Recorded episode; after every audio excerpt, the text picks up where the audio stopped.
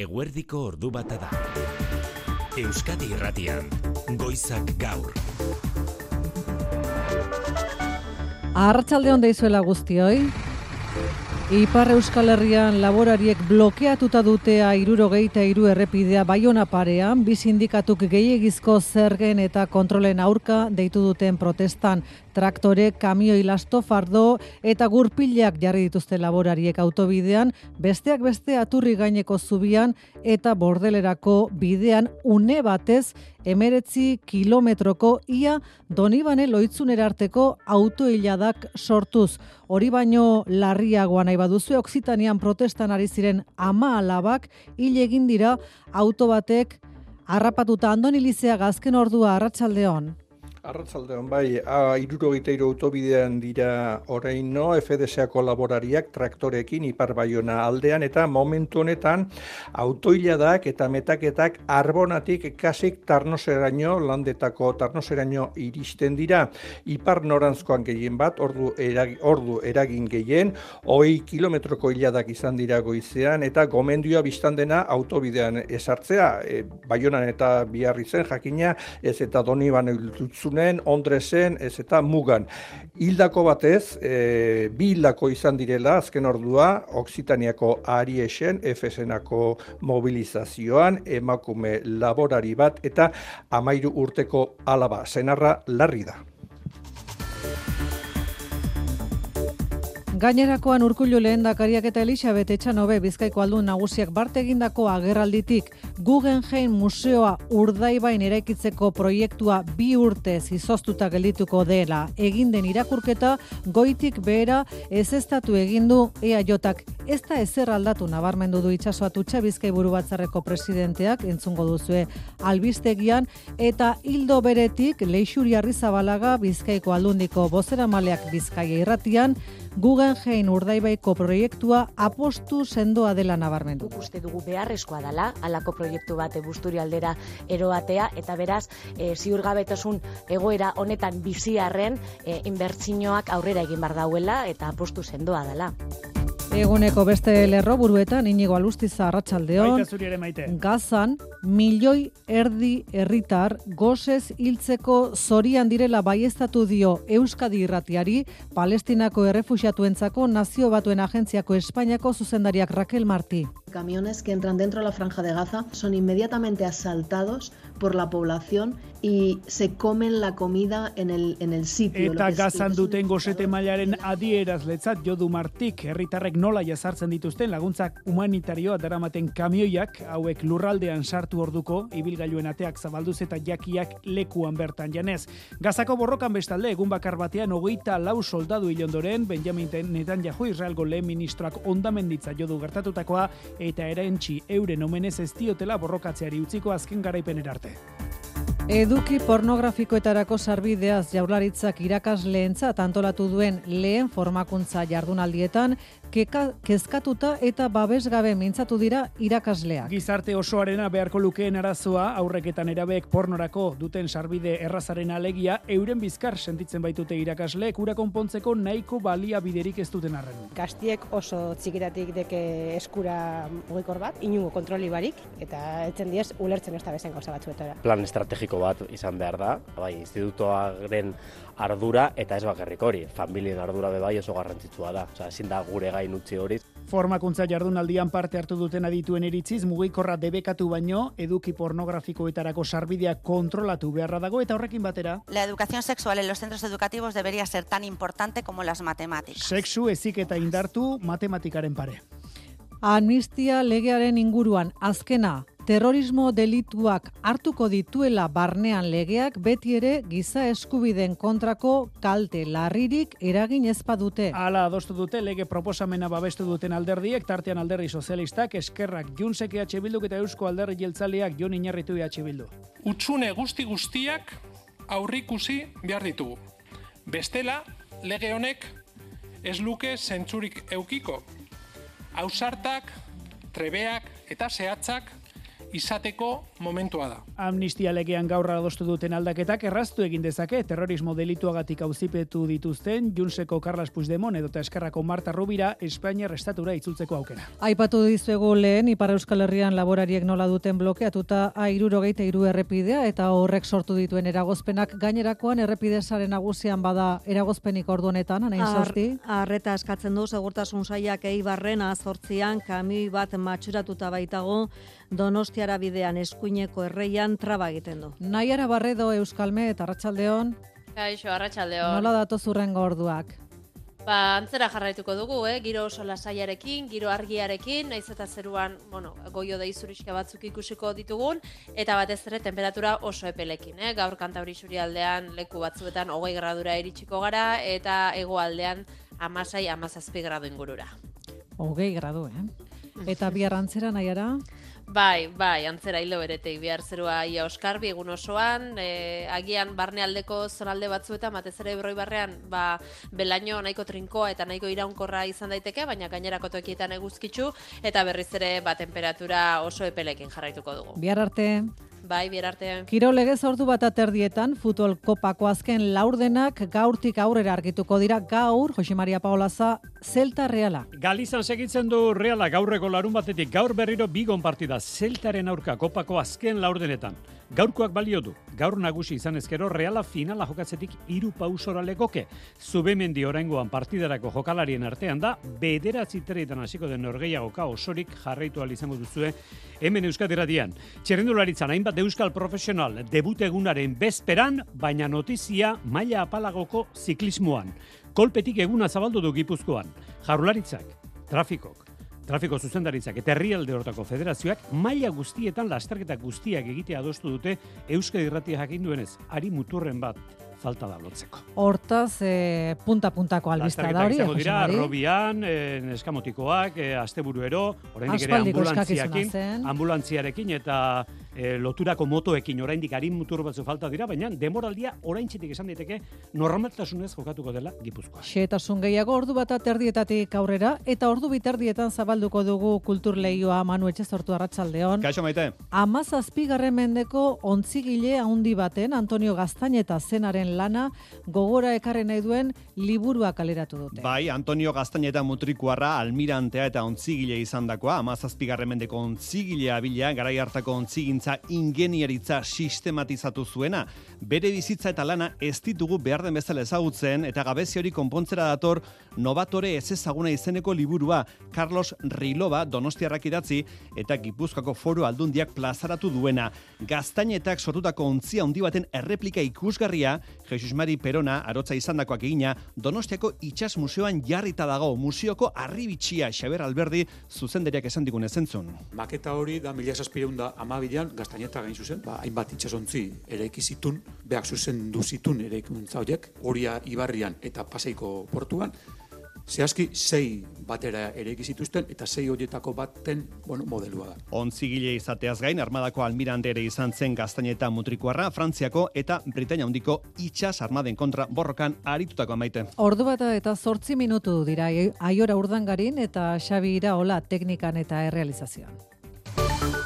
Euskadi Irratian, Goizak Gaur, Maite Artola. Ezerrezta aldatu aldarrikatu du itsaso atutxa buruzagi jeltzaleak urdaibain Guggenheim Museoa zabaltzeko proiektuaren inguruan bi urteko gogo eta prozesua zabaldu dela jakin berritan. Bi urte hoiek beharrezkoak dira atutxaren hitzetan proiektua lehiaketa publikora atera aurretik. Bizkaiko aldundiak ere, bozera malearen ahotik entzun berri dugu, apostua sendoa dela nabarmendu du. Eta testu inguru honetan deitu du premiazko agerraldia Bizkaiko EH Bilduk busturialdea bizi berretzeko plan integrala esigituz, baina beti ere Guggenheim proiektua albora utzi behar dela aldarrikatuta urtzi gartzi arratsaldeon. Arratsaldeon bi urteko etenaldiak ez duela proiektua etengo edo oztuko argitu nahi izan du itsaso atutxa EAJaren Bizkai buru batzerreko presidenteak. Ez da ezer aldatu esan du Radio Euskadiko mikrofonoetan. Egitasmoaren tramitazioetarako denbora tarte handia behar dela, bestela ezinizkoa dela proiektuaren nazioarteko lehiak eta biaraztea. Plangintzan aurrigusitako etenaldia dela alegia. Ez da ezer gelditu. Bi urte horrek beharko dira, hainbat eta hainbat eh, gauza egiteko. Plan urbanistiko batzuk aldatzeko, eta horrek denborea behar dau, horren ostean egin behar dira bebai, galdeketak eta parte hartze publikoa behar dabe, hau da, herritarrek parte hartuteko gunea bezabaldu beharko da, e, kutsatuta dago zan hainbat lurzoro eta bar, horrek be garbitzeko denbora bat behar da. Bain ba, zuzen bi urteko etenaldi hori, busturialdeko bizi busturialdearen bizi berritzeari buruzko gogo eta kolektibo egiteko baliatu dezala eskatu die EH Bilduk EAJari eta EAJak zuzentzen dituen erakunde Iker Casanova. EAJari eta Euskal Instituzioi eskatzen diogu baliatzea denbora tarte hori herriarekin hitz egiteko, gizartearekin hitz egiteko, eskualdearekin hitz egiteko eta baita ere adosteko. EH Bilduk ez daki hauteskunde arrazoiengatik hartu duen ala ez EAJak hartu duen erabakia edonola ere Casanovak dio Guggenheim proiektu zatikatzailea dela Busturialdean jende asko aurka dagoela baita EAJaren barruan ere horregatik elkarrizketa eta adostasuna direla konponbideak. Berala joko dugu Gernikara bertara, baina duela hogeita zazpi urte Bilboko Guggenheimaren aurka egin zuten berberak direla orain urdaibaiko proiektuaren aurka ageri direnak Esan berri du, gobernu bilera ostean gaiaz galdetu zaionean, bingen zupiria kultura zailburuak ainara rubio. Bai eta azpimarratu duena da erabakia oso zaila dela, oso konplexua eta horretarako zabaldu dela bi urteko hausnarketa epea, baina honek ez duela hauteskundeekin inolako zerikusirik argi utzi nahi izan du bingen zupiria. Ez du zerikusirik. 2008an gai hau planteatu zen hauteskundeen ondoren eta momentu honetan planteatuta dago hauteskundeen gora bera alde batera utzita. Seguru nago, seguruenik bi urte barru, honen inguruko azken erabakia hartzen danean ere, egongo dara, bueltan hauteskunderen bat. Ez da?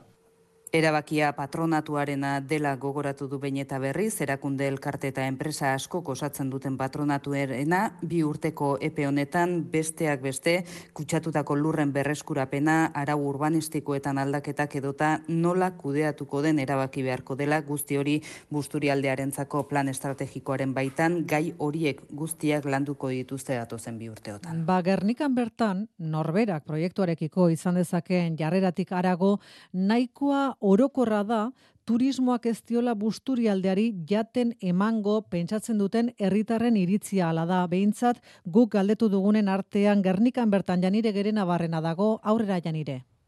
Bai, busturialdeak susperraldi ekonomikoa behar duela argi dute hemen, enplegua bultzatu behar dela eta horretarako industriaren aldeko apustu egitea eskatzen dute. Guke hemen turismoak ez duetzen ez ebez eta nik uste dut a beste gozo bat epildekela guen jenekar birona. Enpresa, enpresan bat, edo, biarrako industri, erolago, singurtatek importantista. Oso politxe da, baina, bueno, apurtxu eta ekonomize mobitako, ba, igul hori izango litzek, baina hori horren bestera zeltzen. Urdaibaiko gugen jeina eraiki baino lehen bi urteko hausnarketa prozesua irekitzearekin oro har bat datoz eskualdeko bizilagunak. Ondo, ondo begiten du jaku, ondo pentseti olako gauza batean e, diru asko inbetu bidan lekoen, ba, ondo pentsa bidi gauzak. Nik ez dekotzen ondo, klaru, klaru, baina, bueno, bai, nik uste dute kondo da bela. Proiektua, da gero ganena, ba, urde mamen gerniken, ba, sozek egiteko. E, ni ez nabadoz e, guen jein e, itxia samen, eta, bueno, ikustia bere merezi badaben, merezi badaben itxia, edo ez, ondo dau. Nola nahi ere azken erabaki hartu aurretik, herritarren iritzia haintza tartzea eskatzen diete erakundeei. Bueno, guk gaztik izen da e, ez gauza doz kein bat eitzie ba, gerriken da batez be muruetan be bai. Ze azkenien ba, horteko gure padurak, Eta uste dugu hori oso garrantzitsu dela mantentzie, bueno, amengo herrikoari bezilako galdetu ja nahi badugu nolako zeu zer e, eitzie. E, ba, hau bi urteko atzeraldi zehon esan da bena ingo dela e, horreri horren e, ondorio bat bai da, ze jentia ikusi da mobilizein dela, Guggenheim urdaibai estop plataformak bere aldetik, bi urtez soilik ez, behin betiko proiektua bertan bera ustea eskatu du. Testu ingurunetan Javier Hurtado, jaularitzako turismo zailburuak aurreratu zuen atzo, fitur azokarako eskaintzan, abenduko datuen faltan lau milioi terdira iritsiko dela, iaz Euskal Autonomia Arkidegora etorretako turisten kopurua. Gaur kaleratu du eustatek, abenduan, hoteletan izandako bisitarien datua eta soilik hoteletako egonaldiak aintzat hartuta, jada gainditu da urtado zailburuak aipatutako marka. Eustaten arabera, orotara euneko amarrazida, 2008 beharekin alderatuta,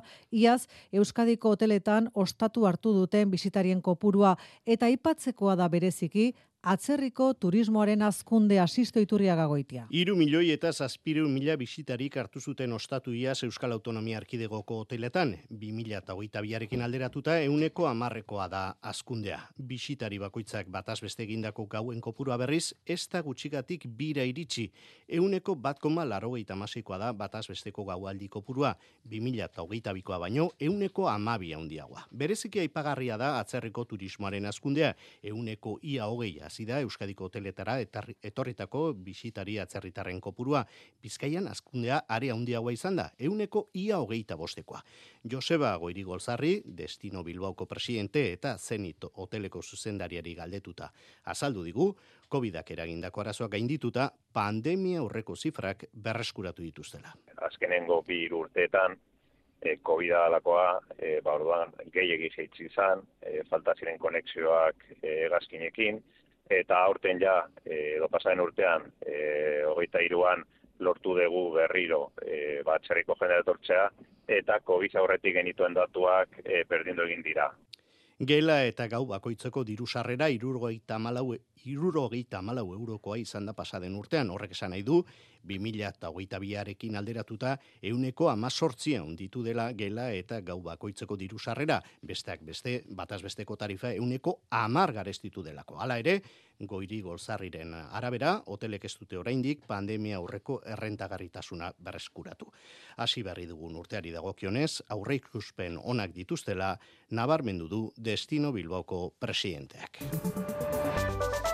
Ordu bata eta amasei minutu dira gaurko egunez duela hogeita bederatzi urte hil zuen etak Gregorio Ordoñez Donostiako Alderdi Popularreko zinegotzia Eusko Legebiltzarkide ere bazena aurten urte hurrenarekin bat eginda aieteko kultur etxean ikus daiteke Gregorio Ordoñez bizitza posiblea izeneko erakusketa. Eta aieten bertan hitz egin du Euskadi Errateko Faktoria albistegiko lankide talde batek ana Iribar alargunarekin Iribarrek nahi luke etari aurre egin zion eta haren presioak kikildu etzuen politikari gisa oroitzea eta herritarrei lagundu zien zerbitzari gisa oroitzea Gregorio Ordóñez. Gregorio entendió que el ciudadano Gregorio kulertu zen bere bulegoan sartzen zenak, atea jotzen zuenak, ba bera, haren arazoa konpontzeko zegoela, eh, zentzuz, beti ere, eh, zentzuz.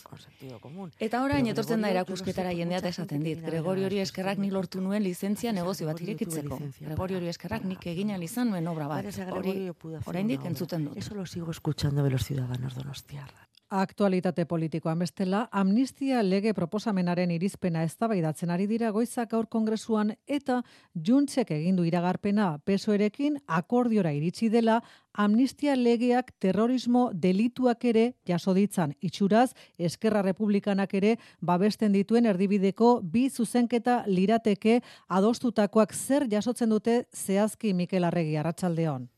Kaixo, arratsaldeon duela astebete ezinezko zirudien alortu dute Juntzek eta Eskerrak PSOE Sumarre Bildu eta PNU-erekin terrorismo kasuen inguruko transakzio zuzenketa adostuta. Ukitu teknikoak adostu dituzte eta amnistia kanpotik geratuko dira terrorismo delituak, baina bakarrik modu zuzenean giza eskubideen kontrako kalte larri eragin zuten kasutan justizia batzordeko talden asmoa, amnistia legea alik eta garbiena zehatzena izatea da epaiek interpretaziorako tarterik izan ez dezaten. Miriam Nogueras Junts. Estic convençuda que es tancarà alguna transaccional, que aquesta llei millorarà, però el que no podem fer nosaltres, el legislatiu, és estar sotmesos i submisos al poder judicial.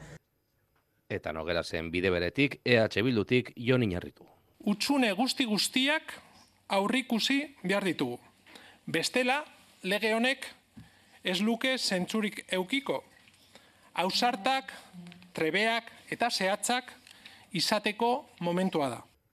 Terrorismoaz. Gain amnistia babestuko duten taldeek bigarren transakzio zuzenketa bat ere adostu dute kasu honetan kautelazko neurriak instantzia guztietan indargabetzeko. Modu honetan Espainiako epaitegiek Europaren aurrean amnistiaren kontrako judizio aurreko arazo aurkeztuta ere amnistia legeak bere alako eragina izango luke. Bi zuzenketa hauek onartuta beraz, García Castellón epaiak tsunami demokratik hauzian terrorismo kasua ikusita ere Puigdemont eta Robira amnistia barruan sartuko lirateke eta errazago izango lukete datozen hilabeteotan erbestetik itzu itzultzea. Eskerrik asko Mikel Inigo Urkullu lehendakariak bide batez urrengo astean Bruselara egingo duen bidaia ofizialaren berri jaso dugu gaur, Europako arduradunekin izango dituen bileretan ahal eginduko da Urkullu lehendakaria Europan euskara ofizializateko Europako batzordaren babesa lortzen makroeskualde Atlantikorako laguntza ere eskatuko du eta autodeterminazioaren eztabaida sustatuko lukeen foro batean ere hartuko du parte Urkullu kaxunarozena arratsaldeon. Arratsalden bai Europako Parlamentuan eurodiputatu talde batek antolatutako Caucus por la autodeterminación izeneko foroan parte hartuko du lendakariak eta bertan eskatuko du Europak gutxieneko baldintza batzuk arautzea estatusari buruzko galdera demokratikoki egin alizateko Marian Elorza jaurlaritzaren kanpo harremanetarako idazkari nagusia. Aspaldi gara esaten Europak behar duela arautu nolabait e, baldintza minimo batzuk estatukideen barnean existitzen diren komunidade politikei galdetu al izateko haien estatusaren e, e, e, inguruan eta hori gerta dedin modu e, berme guziekin eta modu demokratikoan. Beraz, hilortatik joango da lendakariaren parte hartzea. Lendakariarekin batera foro horretan parte hartuko du Kataluniako Generalitateko presidenteak ere eta bertan aurkeztuko dute Europan landutako erreglamendu baterako zirriborroa. Astelenean hasiko duen bidaian euskararen ofizialtasuna ere aldarrikatuko du Lendakariak Europako erakundeetan eta makroeskualderako laguntza eskatuko du. Ordu bata eta hogeita bat minutu dira gazako gerran orain arteko galera undiena izan du Israelek. Egun bakar batean hogeita lau soldadu hilda. Borroka gogorrenak egoaldeko janjuni sirian ari dira ematen. Armada Israeldarrak setiatuta ditu. Bertako bi ere erietxe nagusiak eta gurutze gorriak bere egoitzaren aurkako erasoa ere salatu du. Azken egunean berre hundira gazan hil dituzten palestinarrak, baina horrek ez atea itxi momentu zahalegin diplomatikoei azken ordua ekialde hurbilean bertan Mikel Aiestaran berri emaleak arratsaldeon. Arratsaldeon, azken hogeita lau orduetan, hogeita lau soldadu galdu ditu Israelek gazan, egunik odoltsuena da armadarentzat gerra hasi zenetik. Gertakari larriena zerrendaren erdian gertatu da, hogeita bat soldadu hildira, jamasek tanke baten eta bi eraikinen aurka egindako erasoen ondorioz, eraikin horietan soldaduek dinamita jartzen zuten haiek suntzitzeko. Gerraroen laugarren hilabetean, jamas etxaia aurre egiteko gaida, bi aldeen arteko indar ezberdintasun ikaragarria bada ere. Armadaren egun beltzonetan, bi hilabeteko zueten proposamena egin diote jamasi, gatibu guztiak askatzearen truke, axios komunikabideak jakinarazi duenez, Islamistek gerra amaitzea eta 6.000 segurtasun perso palestina askatzea eskatzen dute gatibuak askatzeko. Gazan elikadura krisien maila gorena, bosgarren maila indarrean du nazio batuen erakundeak. En la actualidad, Naciones Unidas ha decretado el nivel 5 de hambruna es el nivel más alto en la escala de inseguridad alimentaria en el mundo. Goseak hiltzeko arriskuan diren, milioi erdi lagunetik gora, eta gozete arriskuan populazio osoa bi milioi eta irureun mila lagun. Ala azaldu digu Euskadi Irratian Raquel Martí, errefuxiatu palestinarren ardura duen UNRA agentziaren Espainiako zuzendariak mertxetxe berri arratsaldeon. Arratsaldeon gazan egunero, eun eta berrogeita mar berreun kamioi artean ari dira sartzen laguntza humanitarioarekin, ez da kopuru hori gehitu, bigarren pasabidea zabaldu duen arren Israelek eta oso oso motz geratzen da. Con estos camiones que están entrando, se están cubriendo las necesidades del 8% de la población de Gaza. Populazio ia osoa da goze unionetan bereziki larria da egoera Gaza iparraldean bertara ezpaita kasik laguntzarik iristenari. Ia 2 milioi barne desplazatu daude gainera, egoalderantz egin dute izan duten gehienek, Rafan pilatu dira milioia eta irureon mila pertsona asko kalegorrian. En esta zona, que es una de las zonas más pobres de la Gazako lekuri pobrenetakoa da, azpiegitura oso gutxikoa, eta estalperi gabe kale gorrian dira. Plastikoekin edo aldutenarekin kanpin dendak prestatzen bukatu egin baitira gazan kanpin dendak. Eh, no hay ya más tiendas de campaña dentro de la franja de Gaza, Une honetan milioia eta zazpireun mila pertsona daude unrua erakundearen eun eta berrogeita amabost egoitzetan aterpe hartuta, baina elikagaita urfaltaz infekzioak ari dira zabaltzen euren artean. Bi hilabeterako suetena baiestatuko balitz, albiste ona litzateke Raquel Marti unruako Espainiako zuzendariaren esanetan, baldin eta Israelekatea zabalduko balu horrela laguntza humanitario gehiago sartzeko gazan. Atzera etxean aurreta nerabek porno edukietara duten sarbide errazak sortu duen gizarte mailako arazoari aurre egiteko asmoarekin irakasleentzat formazio jardunaldia antolatu du Jaurlaritzak beken. Lasaitasuna eskatu du asteko Begoña Pedrosa sailburu ordeak debekua baino prebentzioa eraginkorragoa den abia puntutik debekatzen badia olako gauza badakigu beste iturri batzuk eta beste modu batzuk aurkituko dituzela hoietara heltzeko. Orduan gure lana da e, ba, bueno, ba, ikasleak eztea ere morretan irakasleek edo haiei e, ba, euskarriak eta tresnak emateaz. Eta hortik aurrera, ba, gero, ba, familiekin lanketa egin, eta eta gizarteari ere, e, ba, bueno, ba, mezu hori helarazi, ez? Hau, danon e, daukagun erronka badala. Beken entzun ditugun adituen artean, nola nahi ere, badira debekoaren beharraze hitz egin dutenak, edota hezkuntza afektibo sexualaren gaiak matematikaren pareko estima behar lukela aldarrikatzen dutenak ere, beken ari da jardunaldia jarraitzen maialen arratibe larratzaldeo maialen. Arratxaldeon bai, sexu hezkuntzari behar duen garrantzia itortu behartzaiola eta lehen lerrora ekarri, baina benetan matematiken pare jartzeraino. Hala esan du Sandra Sedano, Balearru Artetako ikerlariak.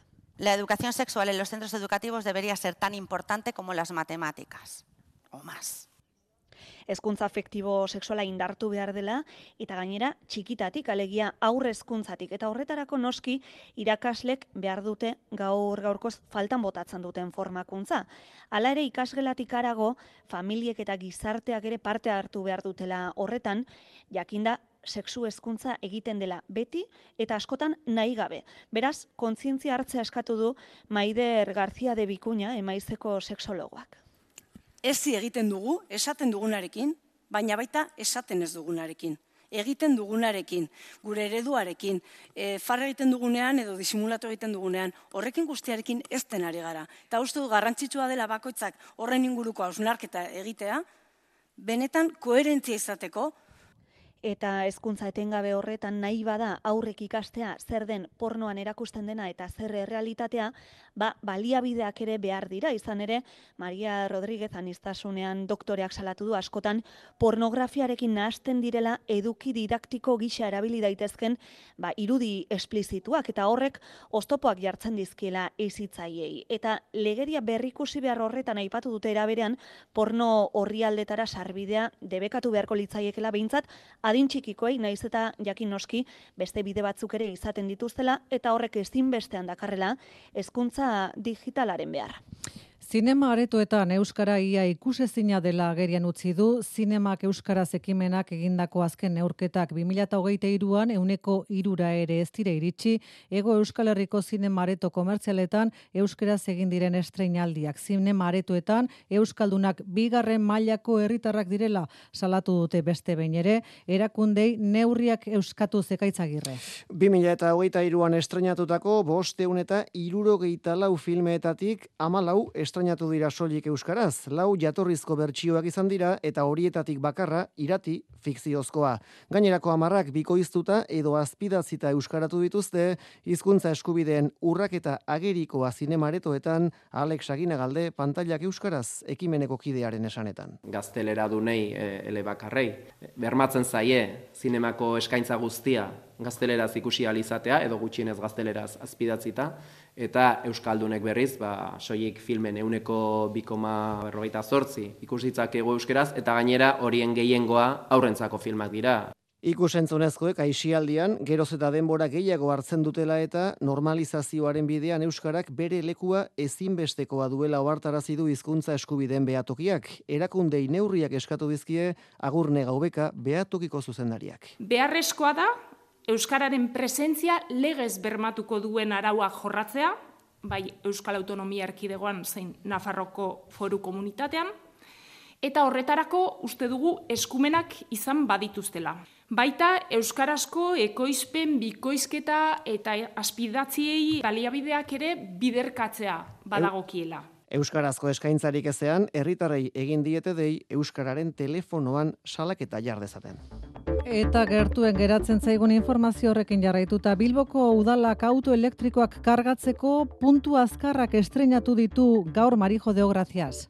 Bilboko zortzi auzotan daude autoentzako kargadore elektrikoak ez dituzte leku aldatu baina aurrerantzean azkarragoak izango dira. Berrogeita mar kilobateko kargagailuak potentzia handitzeko konpromiso hartu baitu Zander enpresa hornitzaileak. Iribarruko kargagailu hauek aldi baterako bira gainera auto elektrikoen erabilera sustatzeko eta herritarrei autoen karga erraz errazteko. Asmoa ezpaita autoak hiribarrura erakartzea, urrotz larrainaga pilboko mugukortasun eta jasangarritasun saileko teknologia eta modernizazio ardurunak azaldu bezala.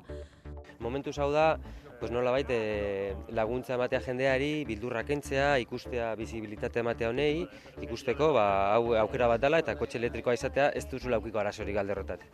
Baina bai, asmoa da, urte batzutan, ez dakit lau bost izango diren, e, ba, olako zerbitzuak eskaintzen diren estazio, estazion de servizio normaletan. Amasei autorentzako sortze karragailu hauetan eh, gehienez berrogeita bost minutu ongo bira autoa kotxearen e, kilometro gehiago edo gutxiago hori ere kontuan hartuta, baina potentzia igoala harindu egingo da karga denbora eta errotazioa. Gazte izan zander enpresako geita bat zerbitzugune ere baditu, aldi berean laro geita lau ibilgailu elektriko kargatzeko eta gipuzkoan kargaleko propioak ez, baina aldundiaren kargailuen zerbitzua ematen du. Arratxaldeko ordu bat aterdiak jo berriak.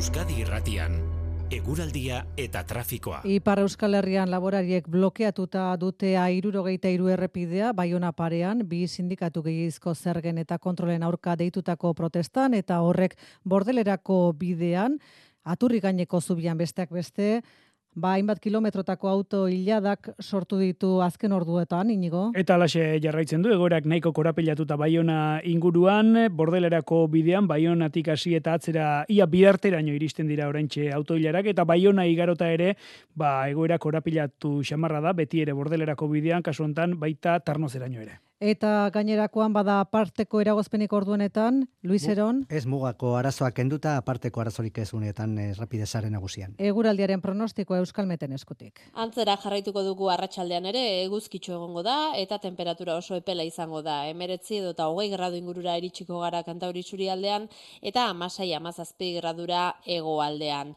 Beraz, giro lasaiarekin jarraituko dugu eta bihar ere aldaketan dirik ez, giro egonkor eta eguzkitxoak jarraipena izan izango du.